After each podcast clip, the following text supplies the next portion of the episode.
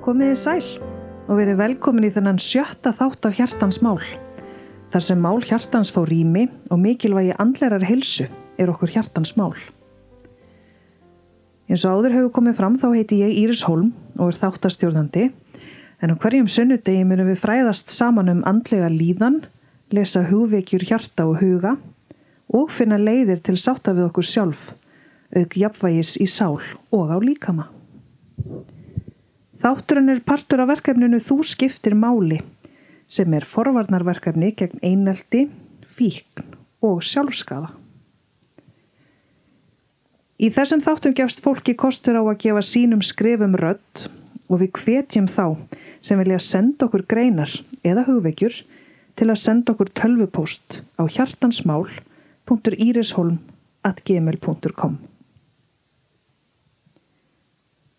Þátturinn í dag verður samt sem áður með öðru sniði en áður.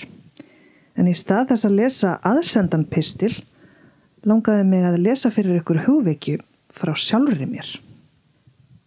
Þannig er nefnilega mál með vexti að ég satt námskeið fyrir ekki svo lengu þar sem unnið var með núvitund og samkendi í eigin garð. Ég er sjálf greint með jáðar persónuleikar og skunn og sálfræðingur minn taldi að þetta námskeið geti hjálpa mér þegar kemur að sjálf sniður yfir sem er ríkjandi enginni hjá mér. Það verður nú samt að viðkennast að ég var ekkert sérstaklega ofinn fyrir þessu námskeiði fyrst. En það byði ég álit mitt á fræðum þess á upplifin minni frá því að ég var 19 ára. En þá átti ég erfitt með núvindund eða bara sjálfsvinnu yfir höfuð. Já, hvað samt að ég hefði enga tapa. Ég satt námskeiðið og lærði margt en það sem mig langar að deila með ykkur er ein af æfingunum sem við gerðum og það er að skrifa sjálfum sér bref. Æfingin fóli sér að finna rödd samkjöndarinnar sem er alla jafna svo rödd sem við notum til að hugga og hugreista vinn okkar, bönnin okkar og fólki í kringum okkur og þú leifir þeirri rödd að eiga orðið. Ég skrifaði bref og það hljómaði svona. Elsku Íris, allar þær tilfinningar sem þú ert að upplefa eiga rétt á sér. Ég elska þig eins og þú ert og mun alltaf gera.